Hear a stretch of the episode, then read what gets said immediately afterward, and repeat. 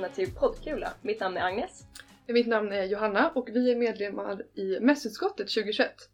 Den här podden finns till för att inspirera och förbereda er studenter inför Kula 2022 som äger rum torsdagen den 10 februari. Och detta avsnitt är ett betalt samarbete mellan Haldor Topsö och Kemi och biotekniksektionen inom TLTH. Och idag så gästas vi därför av ingen mindre än Samuel Scheman Johansson från Haldor Topsö. Varmt välkommen! Tack så mycket! Kul. Roligt att vara här. Ja, kul att ha dig här! Ehm, Så innan vi börjar prata mer om eh, din roll på företaget och företaget du kommer ifrån så undrar vi om du vill berätta lite mer om dig själv? Absolut. Jag är född i Stockholm men så fort jag kunde flyttade jag ner till Lund och började plugga på LTH. Jag gick eh, bioteknikprogrammet här och gick ut eh, 2012. Mm. Ehm, och började då direkt arbeta på Topsö. Yes. Um, början bodde i Malmö, pendlade över varje dag. Som väldigt många svenskar hos oss gör. Um, sen efter ett och ett halvt år kanske så fick jag erbjudande att flytta till Peking och jobba på vårt kontor där. Oj, häftigt! Så det gjorde jag. Det började med att jag skulle vara där ett och ett halvt år men sen var det nice. Så jag stannade i fyra år till slut. Och sen eh, för några år sedan kom jag då tillbaka till eh, Danmark och bosatte mig i Köpenhamn. Och jobbar nu på Topsas kontor i Köpenhamn. Ja, okej, för det leder mig in på följdfrågan där liksom. Eh, Haldor Topsö, är det huvudkontor i Köpenhamn? Precis. Ja. Grundat och huvudkontor i Köpenhamn. Eh, och som sagt då, det är ju ett dansföretag. Vi är jätteglada över att, eh, att kunna få med lite internationellt också i år. Ehm, och till de studenterna som kanske hört talas om er för första gången. ehm, vad gör Haldor Topsö? Bra fråga. Ja. Jag, var också, jag kommer ihåg det själv. Jag fick inte höra talas om det förrän mitt sista år här på, på bioteknik. Vi är ett eh, processteknologiföretag. I princip ett kemiteknikföretag i grunden. Vi har då våra egna processteknologier och vår egen katalysatorproduktion. Så ungefär halva företaget producerar olika katalysatorer till olika delar av kemiindustrin. Mm. Och andra halvan av företaget designar då fabriker där de här katalysatorerna används. I princip lite förenklat. Det är då fabriker som gör allt ifrån att producera ammoniak till svavelsyra till eh, olika bränslen, Mm. eh, rensning av avgaser i fabriker. Alright. Så liksom apparaturen eller reak- reaktorerna, eller hur kan man... Precis, Ja. vi designar allt från varje reaktor men också all utrustning runt omkring. Och eh, Mm. stort del, liksom, jag jobbar då i den processtekniska delen och vi designar helt enkelt hela anläggningen. Och traditionellt har vi då arbetat mycket inom fossilindustri. Det är liksom naturgaser, det är råolja Mm, som mm. processas upp, renas och producerar kemikalier av eller bränslen. Men idag så är vi mycket mer inom förnybar, Mm. Mhm. eh, förnybara områden. Framförallt med grön vätgas, elektrisk eller e-fuels, eh, förnybara bränslen och liknande. Ja, och det är vi jätteintresserade av att höra mer om lite senare. Ja, just nu så undrar jag mer vad din roll är på företaget och vad du har mer för specifika arbetsuppgifter. Så jag jobbar då som i princip den ingenjör som är ansvarig i säljprocessen av de här fabrikerna. Så Mm. heter Proposal Manager, tror offertchef eller något liknande på Mhm. svenska. Vi har ju då en stor säljorganisation liksom, som säljer de här rätt stora projekt. Oh, vad kan det vara? 2 till eh, 50 miljoner euro per projekt. Så det är ju Oj, ja. lång tidsperiod liksom, Ja. att bygga upp de här projekten och så. Jag jobbar tillsammans med säljarna då för att bygga upp projekten från det tekniska hållet och finnas där och prata med kunderna, hjälpa dem förstå vad det är de behöver och hjälpa dem få den produkt de vill ha. Mm. Um, jag gör detta inom vår, den delen på Topsö som kallas för Clean Air Technologies. Den del som rensar gaser som kommer från andra fabriker framförallt. Så se till att svaveldioxider, kväveoxider, partiklar inte kommer ut i luften utan att vi tar hand om dem innan Mm. de åker ut. Och detta är då inom liksom, alla de dels som traditionella industrierna, mycket fossilindustrier som oljeraffinaderier och naturgasutbredning. Men även liksom framtida industrier som Alltså metallindustrin en stor industri för oss. Den går väldigt bra just nu med hur mycket metaller som behövs liksom, för den gröna omställningen till exempel. Mm. Men också pappersmassaindustrin och liknande. Det känns, eller det låter som att ni är, ni är ganska stora eller breda inom kemiindustrin. Ja. Eh, och många, typer, många olika typer av kunder. Helt klart. Helt Ja. klart. Eh, och då liksom ni designar ju era produkter eller då det ni säljer utifrån vad de här företagen vill ha. Ja, Ja. precis. Och det är ju helt olika Ja, precis. beroende på företag, industri, vart i världen det är.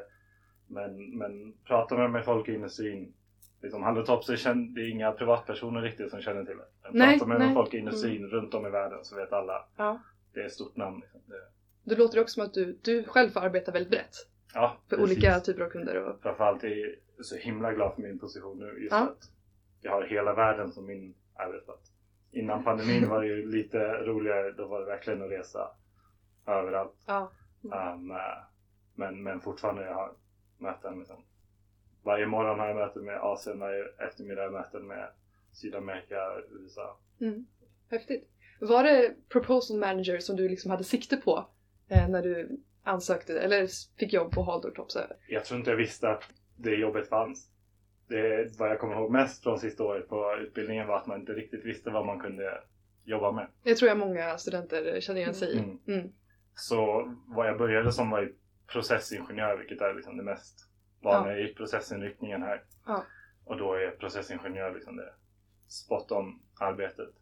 När jag började som processingenjör så blev jag direkt satt. Antar att HR hade analyserat min eh, personlighet och sett att Mm. jag passar bäst att jobba motsälj. Mm. Så då började jag som ingenjör med att räkna på de här fabrikerna åt säljarna. Räkna hur stora de skulle vara och sånt. Mm. Då hade jag proposal managern som lärde upp mig. Liksom. Det var han som var ansvarig för mitt arbete. Och då började jag se att ja, det hade varit ett roligt jobb att ha. Mm. Och det var också det jobbet jag fick då i Kina. Så jag var proposal manager för Kina först och satt i Peking och hade styr över det. Mm. Och sen när jag kom tillbaka så fick jag proposal manager för ja, globalt. Spännande. Du var ju inne lite på förutom hur eh, Topsod började mer fossilt och har blivit mer grönt. Ehm, och företaget grundades ju för nästan 80 år sedan så vi undrar hur kemiindustrin har förändrats och hur företaget har förändrats. Ja, det är ju otroligt verkligen hur det har förändrats. Jag menar när Hallo Topsö, grundaren, Mm. grundade företaget under andra världskriget.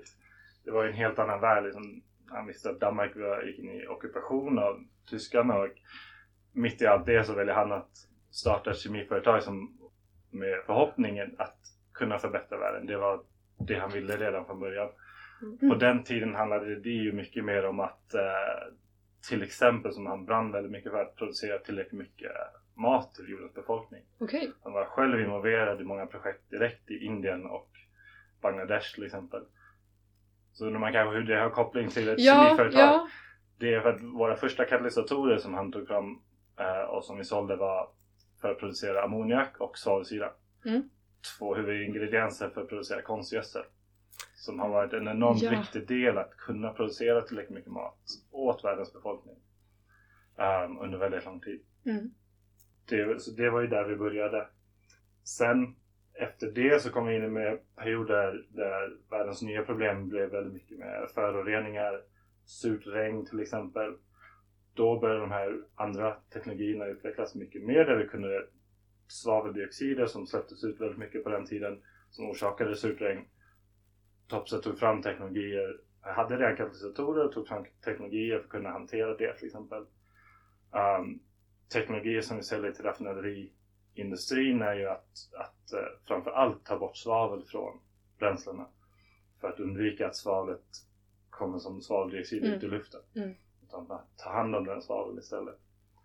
Um, och sen olika teknologier för att rensa kväveoxider, både direkt från lastbilar men också från kolkraftverk och liknande för att minska såna, den typen av utsläpp och föroreningar i luften. Uh, det är mycket fokus där. Och det har varit fokus under väldigt lång tid. Och sen idag så vrids allt upp och ner igen och världen står inför helt nya problem. Vi har inte löst mattillförseln, vi har inte löst eh, föroreningarna i luften totalt men det är ju enormt mycket bättre än vad det var Ja. tidigare. Mm. Jag har ju sett mina fyra år i, i Kina. Där har jag ju själv sett en enorm, ett enormt fokus i Kina på att minska föroreningar till exempel. Men idag står ju världen inför helt andra liksom, problem med klimatförändringarna. Ja. och så. så där ligger vårt fokus nu. Det är att, att, att facilitera den här gröna omställningen. Att gå från att producera allt det här med fossila ämnen eller fossila råvaror till att producera de här kemikalierna och bränslena. Um, allt det här i slutändan helt förnybart. Mm. Och vilket då kallar gröna teknologier. På vägen dit har vi också många blåa teknologier. Som är teknologier där man tar tillvara på all koldioxid under produktionen. Så att den inte släpps ut. Um, men sista steget är gröna teknologier. Det är det vi satsar Ja. allt på nu. Mm. Och verkligen tror på inför framtiden. Ja, då är vi lite inne på min nästa fråga som är vad har Haldor Topsö för mål idag? Ja, Vårt direkta mål idag är att inom tre år ska vi vara världsledande på just koldioxid, eller kolreducerande teknologier. Alltså Det där Teknologi. blue technologies som du Ja. inne på. blå, Blå. Och, precis blå och gröna. Ja. För Mm. gröna är liksom samma sak, bara ännu bättre. Mm. Mm. Um, helt enkelt teknologier för att minska kol, utsläpp av kolämnen. Um, där då koldioxid såklart är det största. Men kolmonoxid och, Mm, och eh, metan etc. De är ju liksom nästan värre. Men, så det är vårt mål. Ja. Och målet är att våra gröna teknologier, vi har ju teknologierna hela vägen från grön vätgas som är grunden i allt det här. Producera grön vätgas. Och det Mm. snackas så mycket om i Sverige till stålindustrin. Vad man inte pratar lika mycket om är hur mycket man kan göra med den gröna vätgasen. Med hjälp av den kan du istället för att ehm, producera till exempel flygbränsle från råolja Mm. så kan du ta den här gröna vätgasen som har producerats med elektrolys av vatten med förnybar elektricitet. Mm. Om du sätter ihop det med insamlad koldioxid som du antingen har samlat in från luften eller som en restprodukt från andra industrier som cementindustrin eller liknande. Tillsammans med dem över våra katalysatorer med våra teknologier så kan du producera flygbränsle till exempel. Från luft och vatten Mm. och förnybar el. Häftigt. Så det, det, det är vårt mål att bli bäst på det men det är också vår vision av hur framtiden kommer se ut. Ja. Och det, är det ert mål att det här eh, flygbränslet ska komma ut på marknaden? Eller finns det nu? Eller vart, vart är man liksom idag? Ehm, bra fråga. Exakt det här flygbränslet. Jag lovar inte. Mm. Jag kan inte lova att det inte finns idag. Nej. Eh, det finns framförallt på pilotstadier på flera olika håll. Mm. Och det Mm. är väldigt många företag som håller på med det här. Ja. Tidigare har vi arbetat i industrier där det finns liksom två konkurrenter. Det är gigantiska industrier med väldigt konservativa kunder. Ja. Um, väldigt svårt för små företag att slå sig in. Och så kommer grön vätgas helt från sidan. Ingen har riktigt helt hundra koll på hur det funkar. Och det kommer hundra företag. Och alla investerare vill satsa pengar på det. Mm. Helt plötsligt har vi hur många konkurrenter som helst och hur många pilotprojekt som helst runt om i världen. Vad vi gör idag vad gäller till exempel flygbränsle så producerar vi tillsammans med eh, vi har projekt i Holland där vi börjar producera förnybar flygbränsle som då produceras från till exempel eh, avfall från mat, eh, livsmedelsindustrin. Mm.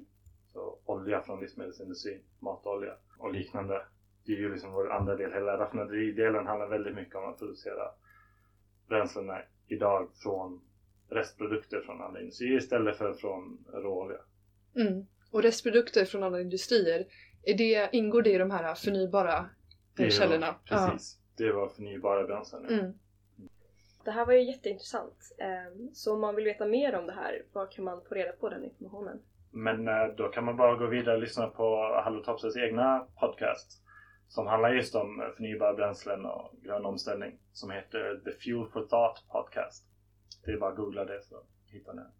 Och där, eh, där pratar ni om era satsningar på, i, inom den gröna omställningen? Precis. Där är våra experter snackar om det och intervjuar andra experter inom vårt företag eller i, inom industrin globalt. Vi har liksom kontakterna överallt Mm. Mm. och pratar om vad händer i industrin och eh, hur, hur går den här omställningen till på riktigt. Jätteintressant. Det ska vi verkligen kolla in. Ja, det ska jag göra. Tack för tipset. Eh, Du berättade nyss om eh, grundaren som hade lite som mål att förbättra världen i princip med kemi. Och ett citat vi hittade var “Perfecting chemistry for a better world”. Så skulle du kunna berätta mer om det, om det liksom fortfarande är ett mål? Ja precis, det är ju vår slogan. Det är ju det vi lever efter. Och det är ju verkligen det som Hallå Topsy själv leder efter. Mm. Mm. Stor del varför han grundade företaget. Han studerade ju i, i Köpenhamn under Niels Bohr till exempel och Ja. visste redan på den tiden att han insåg att kemi kan hjälpa till så himla mycket och hjälpa världen på ett fantastiskt sätt. Och sen dess har han ju arbetat för att förbättra världen. Liksom alla teknologier vi har satsat på har ju i den tiden varit rätt för att hjälpa världen uh, bli bättre. Och han, han insåg hela tiden vad som var problemet. Um, han lever ju tyvärr inte längre men sist jag såg hon- honom var han 99 år gammal. Oj. Och det var en vecka innan han gick bort och han var fortfarande på kontoret varje dag. Och Häftigt. varje jullunch höll han de bästa talen inspirerade hela företaget. Och de flesta som arbetar där har ju träffat honom och har fått den här inspirationen. Och det här med perfecting chemistry for a better world, det, det, det är verkligen vi brinner för. Då kan man ju förstå att det verkligen har lyft vidare om han har varit så central i företaget under all den här tiden. Precis. Mm. Och alla har sina egna minnen med honom. Ja, fint. Eh, Ja, men vi har varit inne väldigt mycket på den gröna omställningen, men jag tänkte om vi skulle djupdyka lite mer eh, när vi har pratat om flyg, flygbränslen. Eh, E-fuels är ju ett begrepp. Precis. Det är ju någonting som vi egentligen från början när vi utvecklade den här teknologin var inte tanken att det skulle bli e-fuels. Det är ing- ingen som visste på den tiden. Men det började med att vi såg ett behov av att det fanns många områden i världen som producerar väldigt mycket, eller som har väldigt stora naturgaskällor. Mm, mm, Um, ställen som Uzbekistan och Turkmenistan till exempel. De har väldigt mycket naturgas men de har inte så stor användning av det. Och det kostar väldigt mycket att eh, transportera den här naturgasen långt bort. just det. Så då applicerade vi några av våra teknologier på att, som, som kunde omvandla den här naturgasen till flytande bränslen till exempel. Um, olika katalysatorer som vi har som vi kan då göra, det är ju kol, kolväten liksom i naturgas. Omvandla det till metanol eller till bensin, diesel, flygbränsle. Um, det har gått helt okej men när grön vätgas kom på marknaden och Mm. vi insåg hur viktigt det var och vi insåg att vi har den här tekniken. Det är liksom bränsleceller. I producerar grön vätgas är det i princip en omvänd bränslecell nästan. Mm. Och bränsleceller har vi haft ganska länge liksom, och forskat väldigt mycket i. Mm. Så vi insåg, vi har teknologin. Om vi kan producera grön vätgas ehm, så kan vi använda den tillsammans med då infångad koldioxid till att producera en syntetgas som då kan ersätta den här naturgasen som råvara för att producera bränsle så som ja, Mm. flyg, flygbränsle eller diesel och bensin. Och syntesgas, vad, vad är det? Syntetgas är det är en rätt stor del av många av våra processer. Ja. Det är inte det området jag jobbar i men jag är rätt säker på att det är uh, framförallt metan och kolmonoxid. Det framförallt Mm. kolmonoxid som, eh, som är en väldigt bra källa att producera andra kolväten från. Okej. Um, men ja, tanken är ju då att liksom, om koldioxiden är infångad från luften så kan du i princip producera vilket bränsle du vill från Mm. koldioxid eller från luft och vatten. Hur ska man fånga in koldioxid från luften? Ja, det är ju de andra eh, problemen. Alltså, dels lättast är ju att fånga in koldioxid från industrier. Ja, det finns så många industrier som producerar enormt mycket koldioxid. Redan vid utsläppet liksom. Precis, precis. Mm. Men sen finns det också väldigt många projekt runt om i världen. Jag vet att Sverige har flera projekt just nu som håller på och kollar på att, eh, att fånga upp koldioxid från, eh, Ja. från luften med olika teknologier. Och det är inte en del som vi blandar oss in i Nej, direkt. nej, förstår. Um, vi har partners som samlar in från koldioxid som från industrier, från källan liksom. Mm. Ja, Stora fläktar som samlar in koldioxid, har jag läst någonting om. ja precis. Jag vet inte. Det var också på nyheterna nu i veckan just att många kommuner satt upp det. ja, spännande. Eh, jo, men när vi pratar om att ni vill vara ledande inom eh, att minska eh, utsläppen av kol. Eh, vad har ni för lösningar och, och tekniker för att uppnå det här? Det är ju liksom många steg på den utvecklingen för att nå någon sorts eh, koldioxidneutral värld. Ja. Och vi arbetar ju traditionellt sett i de värsta industrierna verkligen. Vi inser ju detta. Vi, men vi har hela tiden försökt, från början såklart, försökt vara så ehm, energieffektiva som möjligt för att minska utsläppen därifrån och uh, teknologi som minskar utsläppen från avgaser och sånt. Men jag tror de riktigt stora stegen börjar komma nu Mm. de senaste åren har förnybara bränslen, alltså bränslen som produceras från eh, biologiska produkt, eh, råvaror eller från restprodukter från eh, till exempel matproduktion eller från skogsindustrin. etc. Um, bränslen som produceras från sån typ av olja istället för råolja Ja. ses som en, en eh, förbättring, alltså en minskning av hur mycket koldioxid vi tillsätter i världen. Ehm, det har redan börjat ske. Det är Mm. liksom en stor industri redan i, i Europa och i USA. Vad vi ser nu kommer liksom, på en kort horisont så är det de här blåa teknologierna vi också satsar mycket på. att Det är detsamma som tidigare producera ammoniak till konstgödsel till exempel. Producera metanol och andra viktiga kemikalier för industrin som behövs. Men att under den processen ta tillvara på all koldioxid som produceras. Mm. Eller i alla fall 99% av den koldioxiden. Ehm, så att den inte släpps ut i, i luften. Det är de blåa teknologierna och det är, det är liksom på, på en kort sikt så är det där det ligger. På en, på en längre sikt är ju de här gröna teknologierna vi satsar på som kommer vara i princip om det används förnybar elektricitet till dem så är den helt koldioxidneutral. Mm. Även om du då producerar ett bränsle som du bränner en förbränningsmotor till exempel i ett flygplan så, så den koldioxid du släpper ut är koldioxid du har tagit från luften från början. ja, just det. Um, och det är väl dit vi vill nå Mm. framtiden. Just för att kunna lösa transporter, liksom, långa transporter, flygtransporter och liknande är svåra att eh, elektrifiera direkt. Här kan vi elektrifiera dem genom grön vätgas. Man använder elen för att producera gröna bränslen. Mm. Sen ser vi till exempel ammoniak då som vi producerar till mycket till konstgödsel. Det används ju också till andra saker. Vi har stora projekt på att man kan använda det i båtindustrin. Mm. Som ju är en av världens största utsläppare. För att båtar har traditionellt sett körts på restprodukterna från raffinaderierna. Det värsta av det värsta verkligen. Om man kan köra på ammoniak istället. Man bränner ammoniak, du får ut luft och vatten som restprodukter. Mm. Det är ingen kol närvarande, ingen koldioxid. Um, det, det hade varit rätt fantastiskt. Mm, verkligen. Um, och då om den ammoniaken också är producerad helt förnybart av bara förnybar elektricitet så är det ju ännu bättre. Vilk, vad är det för förnybar elektricitet som ni eh, kommer att använda eller tycker är bäst? Där har vi ju ingen åsikt om vad Nej. som är bäst.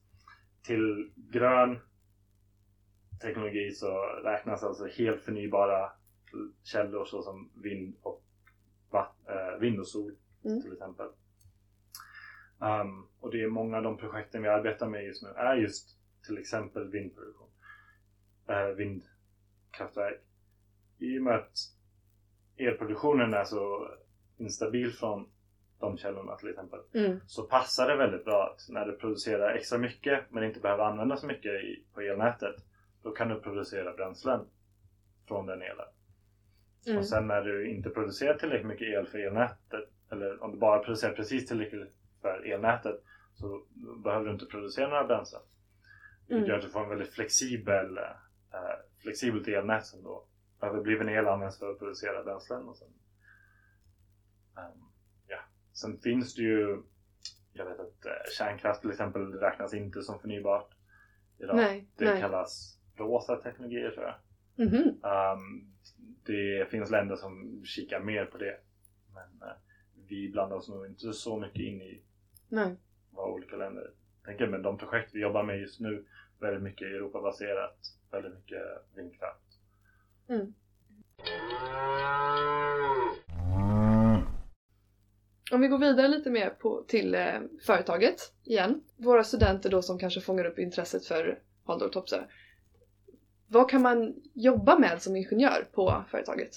Det är ju nästan vad som helst. Ja. Det är ju verkligen ett ingenjörsföretag. Majoritet skulle jag våga påstå är ingenjörer. Um, man kan ju börja så som jag började som processingenjör. Liksom och, och sitta och räkna på fabrikerna, sitta och räkna på pumparna, värmeväxlarna, eh, reaktorerna. Mm. Um, sen har vi såklart maskiningenjörer och sånt också som gör mer detaljerade maskintekniska grejerna. Um, men man kan också börja direkt och jobba mot sälj. Um, dels våra katalys- katalysatorer eller sälja hela fabrikerna. Det är där är också många som börjar. Mm. Vi har en stor tech service avdelning som är vår hands-on grupp i princip. De som tar över kunden efter att vi har byggt fabriken och startat upp den. Tar de över och är ute och hjälper kunden på plats med att eh, köra den bättre eller optimera eller felsöka om något händer. Mm. Um, det kan man ju också börja som. Sen såklart har vi en gigantisk forskning och utvecklingsavdelning där man kan jobba med allt från att köra pilotanläggningar i, vår, i våra labb ner till att sitta med våra neutronmikroskop och kolla på världens minsta reaktorer. Alltså på Kula kommer ni nog få träffa den enda dansken vi kommer med oss, Ole, Mm. som är ansvarig för employer branding inom HR hos oss. Men han är ju ingenjör och jobbat lång tid inom forskning och utveckling.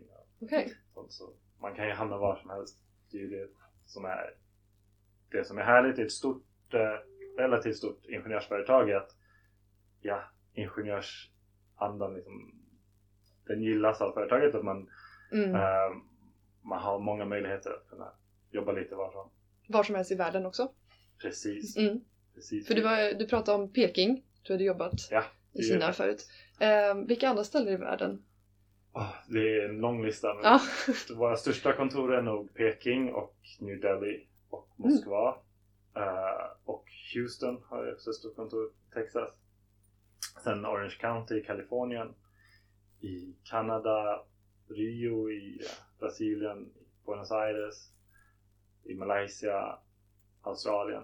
ja, listan är lång. Ja, det fortsätter. Men det är det i och med att våra kunder är överallt så behöver vi folk på plats liksom. Och eh, det är otroligt roligt. Mm. Tyvärr har vi väldigt få kunder i, liksom, i Skandinavien.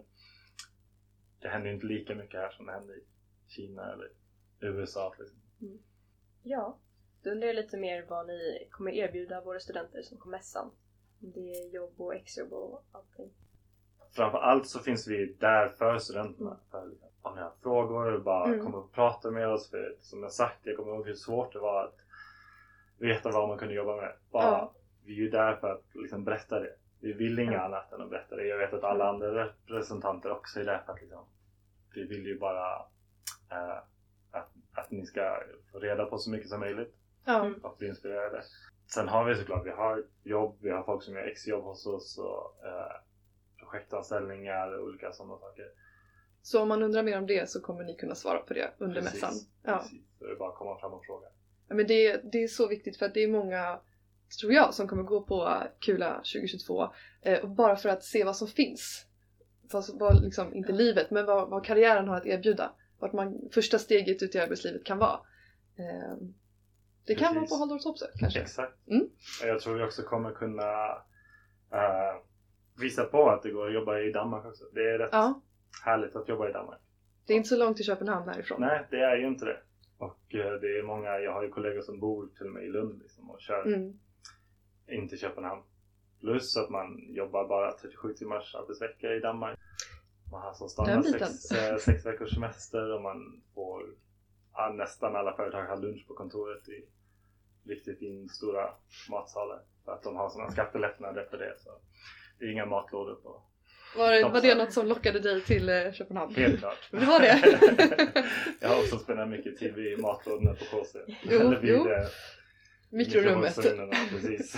De kilometerlånga köerna vid Exakt. Och någon, 12.02. exakt. Och någon som tar med sig fisksoppa som de ska frusen. Och, och nu när du har eh, studenterna här eh, på tråden, har du något särskilt du vill säga till dem inför mässan?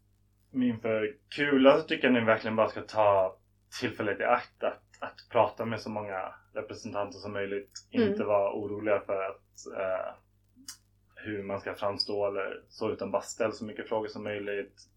Kom fram och prata med oss. Alla är bara där för att svara på frågor. Ja.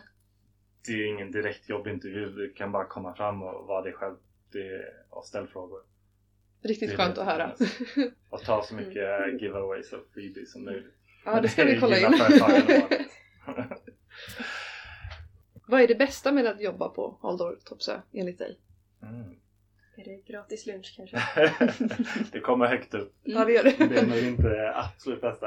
Jag tror personligen så är det nog dels att få jobba då i framkant med teknologier som verkligen kan påverka världen. Mm. Jag, kan, jag cyklar till jobbet, jag äter vegetariskt och så. Visst, det, det hjälper ju till. Men att kunna sitta och rita på en fabrik som Mm. kan minska koldioxidutsläpp med miljontals ton per år. Det är ju något helt annat. Liksom. Mm. Att verkligen se de förändringarna hända själv. Att vara Ja. involverad i att kunna, kunna påverka det. Absolut, vad mäktigt att Ja. eh, inse att man har en större roll i det än bara sitt val av proteinintag. Precis. ja. Så det tror jag är nog det Mm. bästa. Och att det är så internationellt. Det visste jag redan när jag pluggade att ja. jag vill jobba internationellt. Och det har jag ju verkligen fått göra. Har du sikte på att göra det igen? Tillbaka till Peking eller någon ny? Ja, helt klart. Ja. Det hade jag nog verkligen uppskattat. Jobba någon annanstans ett tag. Mm. Men sen också bara att jobba, alltså, som jag sa, jag pratar med hela världen varje dag. Ja. Det är verkligen eh, globalt, 100%. Vi snackar en del danska på kontoret. Man lär sig danska, det är inte så svårt Man gör när det? man väl kommer in i det. när man väl tvingas. Men det är ju liksom enormt internationellt. Också Mm. på Danmarkontoret så är det ju väldigt mycket folk från hela världen. ja. Det är ju mycket engelska som pratas. Eh, vi vill tacka dig jättemycket Sam för att du tog dig till Kemicentrum idag. Hoppas att det var lite kul att se de här lokalerna igen. Jätteroligt. Ja. och så hoppas jag att eh, du ser fram emot Kula. Kommer du vara på plats? Ja, Ja. kommer helt klart. Trevligt. Då eh, får studenterna möjlighet att träffa dig igen. Inte bara via poddformat. Precis. Tack så mycket! Ja, tack själva. Det har varit jätteroligt att få komma hit. Vi ses på Kula! Det gör vi.